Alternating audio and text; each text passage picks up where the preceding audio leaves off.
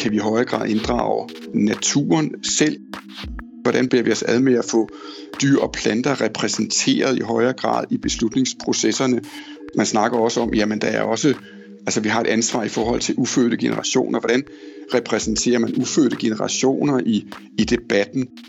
Viden kan komme mange steder fra. Den skabes ikke kun på forskernes laboratorier ude på universiteterne. Og i den grønne omstilling bør vi trække på en større palette af viden og erfaringer, end vi er vant til. Fra planter og fra vores ufødte børn eksempelvis. Det mener professor Jens Hoff. Jeg er professor på Institut for Statskundskab på Københavns Universitet. Øh, jeg har forsket i klima- og bæredygtighedspolitik og borgerinddragelse, borgerinitiativer på klima- og bæredygtighedsområdet de sidste 10-12 år. Selvom Danmark slår sig op på at være et videnssamfund, er Jens Hoff ikke imponeret over den måde, vi tænker, indsamler og bruger grøn viden på herhjemme, når vi laver klimapolitik hvis man siger det meget sådan firkantet, så kan man sige, at problemet med den eksisterende viden er, at den er enormt antropocentrisk. Altså, det tager udgangspunkt i mennesket som os, der ligesom behersker og kontrollerer naturen, og os, der har første retten øh, hele tiden og sådan nogle ting. Ikke? Og det er sådan, synes jeg, gennemgående problem med, det, med meget af den viden, der produceres. Her på Information har vi dedikeret en hel klimapodcast til grøn videnskab. Det er den, du lytter til nu. Men hvilken viden er der egentlig brug for i den grønne omstilling? Og hvordan inddrager vi den bedst? Det handler dagens afsnit af Den Grønne Løsning om. Mit navn er Louise Skov Drivsholm, og jeg er journalist på Information.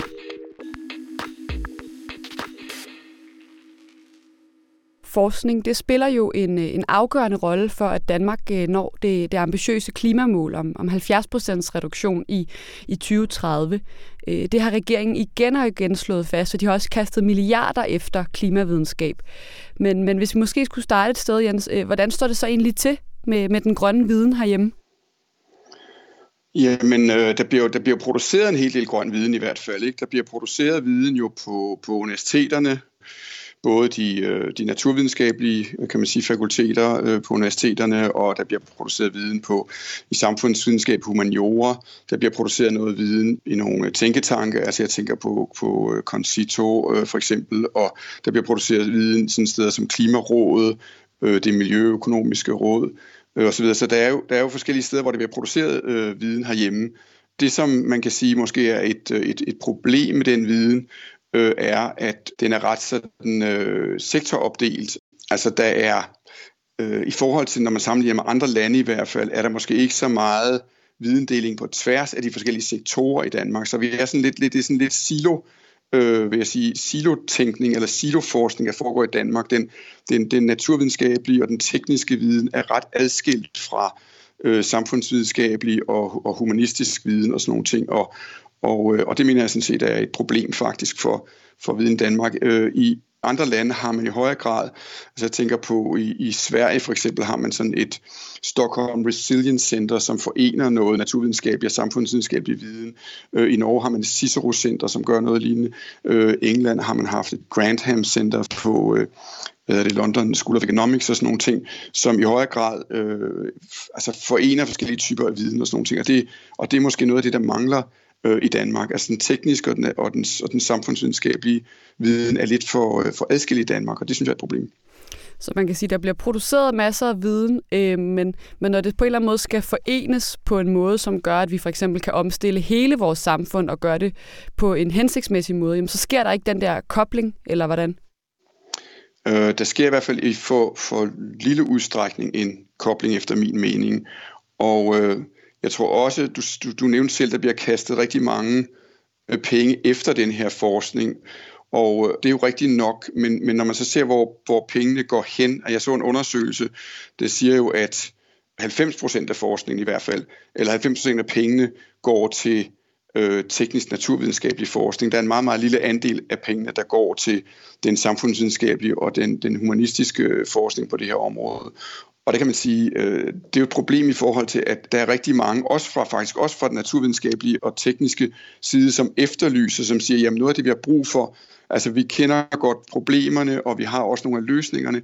Det, der er, er et, et, et problem, det er at få dem implementeret i politik, få politikerne til at tage de beslutninger, der er nødvendige for at implementere øh, og øh, det er nødvendigt at, i den forbindelse at vide noget mere også om, hvordan beder man sig ad med at få folk til at ændre adfærd for eksempel, og gøre de rigtige ting og, og så videre. Og det mangler vi forskning i, øh, og, og, og det mener jeg sådan set er rigtigt nok, men man kaster bare ikke rigtig mange, ret mange penge efter det, så, så på den måde hænger det ikke helt sammen. Men. Nej, nu er du netop selv lidt inde på, at man for eksempel måske mangler noget mere viden om, om vores adfærd i den her grønne omstilling, hvor at, hvorimod man måske har sat masser af penge af til, til de teknologier, der forhåbentlig skal hjælpe os på vej. Men, men altså, hvad for noget viden mangler man mere, tænker du? Jamen, jeg tænker også, at vi producerer jo en hel del af den ekspertviden, øh, som vi er vant til at øh, tage udgangspunkt i, og som politikerne er vant til at forholde sig til, når de skal træffe beslutninger. Men altså, vi står jo over for en, en, en, øh, en, en økologisk krise af kæmpestore dimensioner. Altså hvis man tager udgangspunkt øh, i øh, den her for eksempel den her planetary boundaries diskussion, som, øh, som, som der, der er jo i stigende grad en erkendelse af, at, at, at det er jo ikke kun noget med en, en klimakrise og CO2 udledning, vi skal begrænse. Der er jo også en biodiversitetskrise. Der er også en krise i forhold til øh, vores, øh, vores øh, landbrug eller brug af vores jord og, og, og ressourcer der. Øh, så, så der er en række, kan man sige, forskellige typer af kriser, som gør, at vi er nødt til ligesom at forholde os til, til dem på én gang. Og, og, og noget af det kræver nok, at vi i højere grad inddrager nogle andre typer af viden, end dem vi er vant til, for eksempel. Altså, øh, den her ekspertviden og sådan nogle ting, er ligesom noget, der forholder sig til de her kriser på et bestemt niveau, på en bestemt type af viden, men øh, der er jo mange, der snakker om, at der er brug for andre typer af stemmer i debatten, der er brug for andre typer input, hvis vi for alvor skal gøre noget ved nogle af de her kriser, specielt hvis vi skal gøre noget ved, ved den her adfærdsdimension, som man snakker om. Altså, der er brug for i højere grad at inddrage, måske kan man sige, øh, i gåsøjne almindelige menneskers opfattelse af, hvad, hvad består den her krise af, og hvordan kan almindelige mennesker gøre noget ved øh, den her krise. Og, og det er jo noget af det, man har prøvet at gøre, for eksempel, altså erkendelse af det, øh, har jo resulteret i, at man har, man har etableret det her klimaborgerting, for eksempel, som i forbindelse med, med den nye klimalov. Øh, man er også begyndt at snakke om, jamen kan vi i højere grad inddrage altså, øh, naturen selv, altså i, i, i beslutningsprocesserne. Kan, hvordan, hvordan beder vi os ad med at få dyr og planter repræsenteret i højere grad i beslutningsprocesserne? Øh, og øh, man snakker også om, jamen der er også Altså vi har et ansvar i forhold til ufødte generationer, for eksempel kommende generationer. Hvordan repræsenterer man ufødte generationer i, i debatten? Øh, det rækker sig lidt videre end da, fordi det er en diskussion om, om det, man kalder klimaretfærdighed. Øh, det handler også meget om det globale nord og det globale syd i forhold til hinanden. Og der kan man sige, at mange af de problemer, der er skabt med det her, rammer jo det globale syd i højere grad. Så vi skaber problemerne, det er, er andre steder, folk i højere, bliver ramt i højere bare end vi bliver ramt af, af klimakrisen for eksempel. Øh, hvordan får man i højere grad repræsenteret det globale syd for eksempel i, i de beslutninger, vi træffer her i Danmark og sådan nogle ting. Så der er måske brug for os en anden type af viden, end den type af viden, vi er vant til at forholde os til, eller vant, politikerne er vant til at forholde sig til. Og, og der er det store spørgsmål, hvordan får man inddraget de her nye stemmer, eller andre stemmer i den her debat, som, øh, som for mig at se er ret væsentlige i forhold til at takle den her økologiske krise, som jeg vil kalde det, som vi står overfor. Så, så det er sådan et, et andet spor i debatten, som jeg synes er rigtig væsentligt.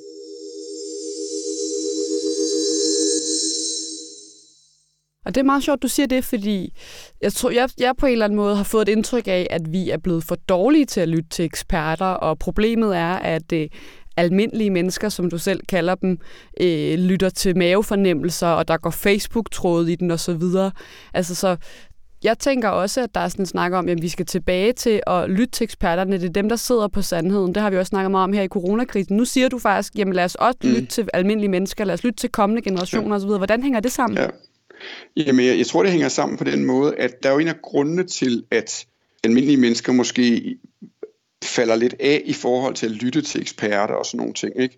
Øh, det kan være, der kommer en ny revival her efter corona, men jeg tror, en af grundene til, at øh, man siger, den måske langtidstendensen er, at folk ikke har øh, i mindre grad er, er, synes, det er spændende eller, eller interessant at lytte til eksperter, er måske fordi, at den type viden, de producerer, tæller lidt hen over hovedet på folk.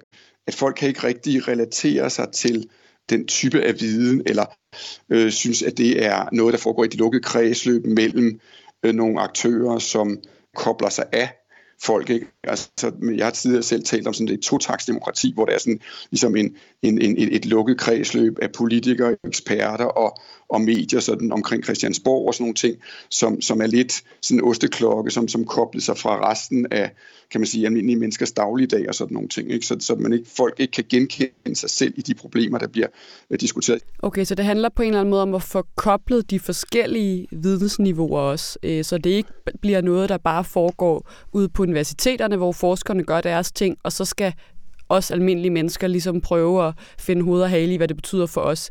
Så det handler om at have de her forskellige niveauer og, og bringe det sammen, eller hvordan? Det handler i høj grad om at bringe det sammen, og der mener jeg sådan noget som, altså det her klimaborgerting er jo, er jo et eksempel på, at man forsøger at bringe de der typer af viden, ikke? Hvor, hvor man kan sige, det politiske system åbner sig for at bringe øh, sådan mere det, man kunne kalde lægemandsviden ind i det politiske system. Og jeg mener, de der åbninger, øh, det, det tror jeg i høj grad, der er brug for. Der er brug for at få de der nogle, nogle, nogle flere stemmer ind, end dem vi er vant til at, at høre. Ikke? Og, og der er spørgsmålet så, hvordan man kan gøre det. Og som sagt, klimaborgertinget er en måde at gøre det på. Jeg selv snakker om, at man kunne have sådan en, øh, altså en, en form for klimaombudsmand for eksempel, og sådan nogle ting. Det kan også være nogle af de der øh, borgerinitiativer, hvor med, med de her 50.000 underskrifter, ikke, øh, som rejser krav om, at bestemte ting bliver taget op i Folketinget. Ikke? Det er også et meget godt eksempel på, at man inddrager borgere. Øh, borgerombudsmanden kunne være det her med, at man kunne øh, Øh, for eksempel øh, bestemte typer lovgivning, der kunne, man, der kunne en borgergruppe øh, henvise til, at det her det vil skade klimaet eller et eller andet, og så, og så få en borgerombudsmand til at gå ind i, i en behandling af, af et bestemt stykke lovgivning og sådan nogle ting. Der, der er forskellige øh, muligheder for at, at få øh, hensyn til klima eller den økologiske krise ind i det politiske system på en anden måde, end vi er, er, er vant til. Ikke? Og det er noget med at tænke lidt kreativt i forhold til, øh, hvordan man kan åbne vores demokrati for andre stemmer, end dem vi er vant til. Altså nogle lande har man jo, jeg tænker på lande som Bolivia, der har man jo direkte skrevet ind i øh, forfatningerne, at der skal tages hensyn til moder jord, for eksempel har man skrevet i, i Bolivias forfatning, eller altså at det er en del af, af simpelthen konstitutionen, ikke? altså forfatningen og sådan nogle ting. I Danmark altså, kunne man jo også forestille sig, at man lavede en grundlovsrevision, der i højere grad sagde, at jamen, øh, der skal tages hensyn til altså moder jord eller vores økologiske omgivelser eller sådan nogle ting, hvor økosystemerne de har lige så mange rettigheder, som, som vi har. Eller sådan. Altså, jeg ved ikke, hvordan man skulle skrive det ind. Men altså, man er begyndt at gøre det i hvert fald andre steder i verden, så det er jo, det er jo, det er jo ligesom den måde, man måske skal til at, at tænke på, ikke? så vi åbner op for, at planter og dyr og, og naturen har rettigheder på, på samme måde, som, som vi har rettigheder og sådan nogle ting. Altså problemet med, hvis man siger det meget sådan firkantet, så kan man sige, at problemet med den eksisterende viden er, at den er enormt antropocentrisk. Altså det tager udgangspunkt i mennesket som, som, som værende os, der ligesom behersker og kontrollerer naturen, og os, der har første retten øh, hele tiden og sådan nogle ting. Ikke? Og det er sådan, synes jeg, gennemgående problem med, det, med meget af den viden, der produceres. Ja. Og en ting er så, øh, kan man sige, at du mener, at den her viden, der bliver produceret, bør komme fra flere forskellige steder og med flere forskellige perspektiver måske i spil. Ja. Øhm, så er der også noget med den viden, der trods alt bliver produceret i dag, øh, som du har sat spørgsmålstegn ved, fordi du har du står sammen med en, en kollega bag en analyse, der netop handler om vidensniveauet på det grønne område herhjemme. Og, og her skriver I, at det, I kalder det grønne vidensregime i Danmark, at det heller ikke er lige så fagligt underbygget og solidt som i de lande, vi normalt øh, sammenligner os med. Hvad mener I, når I, når I skriver det? Jamen, øh, altså vi mener jo øh, blandt andet, at der ikke er så mange, øh, kan man sige, uafhængige grønne vidensproducenter i Danmark, som der er i forskellige andre lande. Øh, så, så der er ikke ret mange steder, hvor den her type uafhængig viden, som, som, som måske også kan udfordre og producere andre typer analyser end det, der produceres, kan man sige, statslig regi, fordi man kan sige, at Klimarådet er selvfølgelig en, en uafhængig producent, men, det, men, men er stadigvæk øh, offentligt finansieret. Ikke? Det miljøøkonomiske råd og det økonomiske råd er også øh, offentligt finansierede øh, institutioner. Så, øh, øh, så der er ikke så mange af de der uafhængige vidensproducenter i Danmark. Og hvis man kigger på antal af mennesker, der beskæftiger sig med den her forskning, så øh, er der heller ikke så mange mennesker beskæftiget med det, som der er i andre lande, for eksempel øh, Holland og øh, Sverige, øh, England, land vi sammenligner os med. Ikke? Der har så været snak i Danmark om, jeg har selv været til et møde for ikke så forfærdeligt længe siden, om øh, hvor en række faktisk universitetsfolk har mødtes og snakket om, at skulle man ikke, kunne man ikke etablere sådan et, et, et center i, i Danmark, eller det man har i, i Norge for eksempel, ikke? Altså et stort center, hvor man fik samlet en række øh, universitetsvidenskabsfolk fra forskellige discipliner, altså fra både fra de naturvidenskabelige og de tekniske samfundsvidenskabelige discipliner, og så bragt dem sammen i et stort center, sådan så man havde en, kan man sige, en, en samlet uafhængig øh, universitetsbaseret institution, der, der var en, en, en virkelig sådan væsentlig faktor, kan man sige, på det her område. Og det, det er for mig at se nok noget af det, vi mangler i Danmark for at få sådan en, jeg vil ikke sige en modvægt, men i hvert fald en medspiller til den vidensproduktion, der foregår i, i, øh, i for eksempel Klimarådet og, øh, og Concito. Jeg synes, der mangler, altså universitetsforskning i Danmark er på det her område, er, der foregår rigtig meget god forskning øh, og kvalificeret forskning, men den er meget øh, spredt, den er sådan meget siloorienteret, som jeg, eller, eller foregår i siloer, sådan som jeg snakkede om før. Ikke? Og det synes jeg er et problem, at den, at den ikke snakker nok sammen på tværs. Og hvis den gjorde det, øh, tror jeg også, der vil komme noget mere øh, måske spændende og mere politisk relevant forskning ud af det.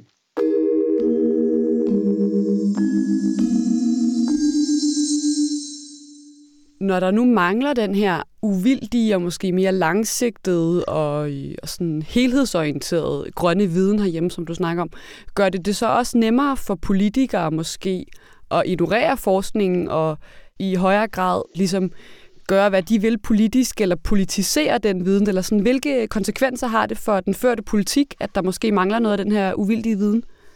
Det gør jo i hvert fald, at, øhm, at, at det kan blive lidt lettere nogle gange at, at ignorere den der viden. Ikke? Altså, jeg synes, at den der diskussion om CO2-afgiften jo er et meget godt eksempel. Ikke? Altså, at jamen, alle eksperter og så videre har været ude og sige, at CO2-afgift er det bedste instrument, der er, hvis vi skal reducere CO2-udledning og sådan nogle ting. Og alligevel har man ikke, altså politikerne valgt, altså ikke at indføre en CO2-afgift, ikke? og man har, man har skudt den til hjørne, og man har sat den til, jamen det er, det er en, øh, altså der skal nedsættes et ekspertudvalg, der skal finde ud af, om det her er en god idé, og hvordan det gøres, og de skal sidde et par år og overveje, og så skal man måske komme med noget i 2023 og så videre. Ikke?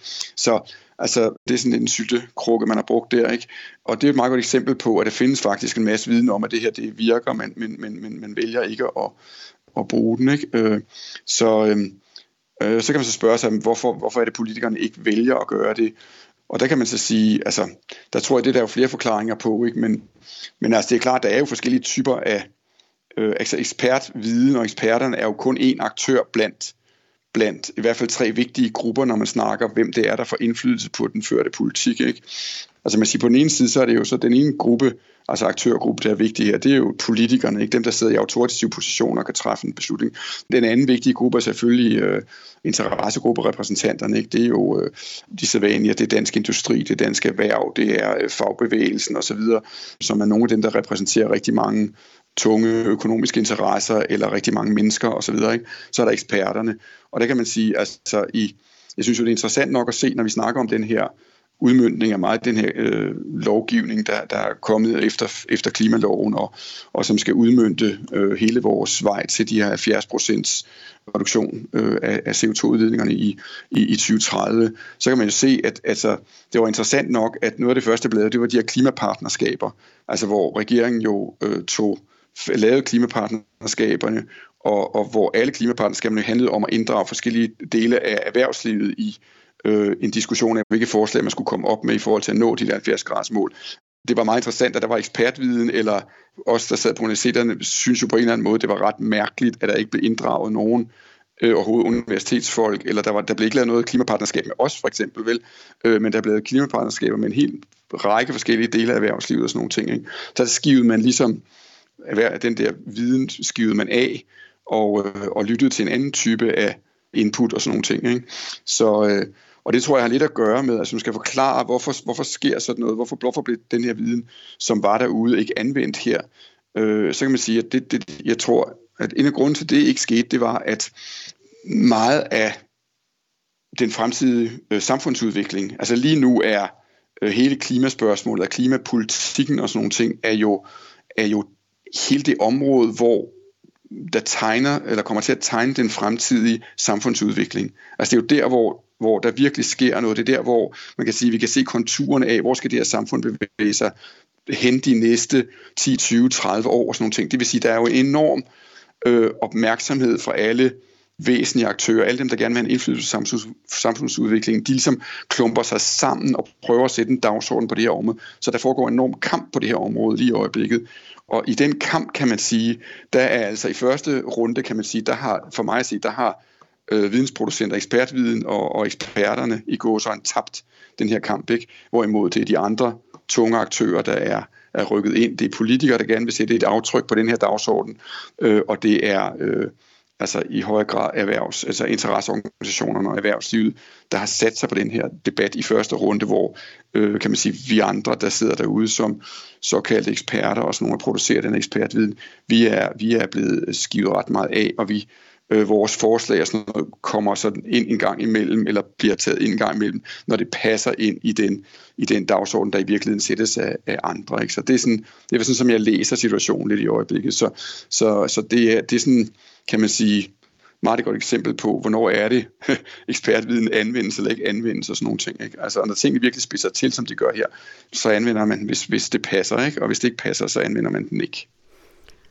Og der tænker jeg altså umiddelbart, at, at man måske skulle tro, at vi i Danmark var ellers ville være virkelig dygtige til, til tværfaglighed og, og lytte til de rigtige mennesker og sådan noget. Jeg mener, vi har øh, universiteter, der slår sig op på at arbejde tværfagligt og på at tænke øh, i helheder. Jeg tænker på Aalborg Universitet og RUK, og vi... Øh, vi ligger jo rigtig godt med på tillid til institutioner og på tillid til eksperter og sådan noget. Jeg tænker, vi har alle mulige forudsætninger for, at man skulle tro, at vi bare kunne have et, et grønt vidensregime, som I kalder det der, på et, på et meget, meget højt øh, globalt niveau.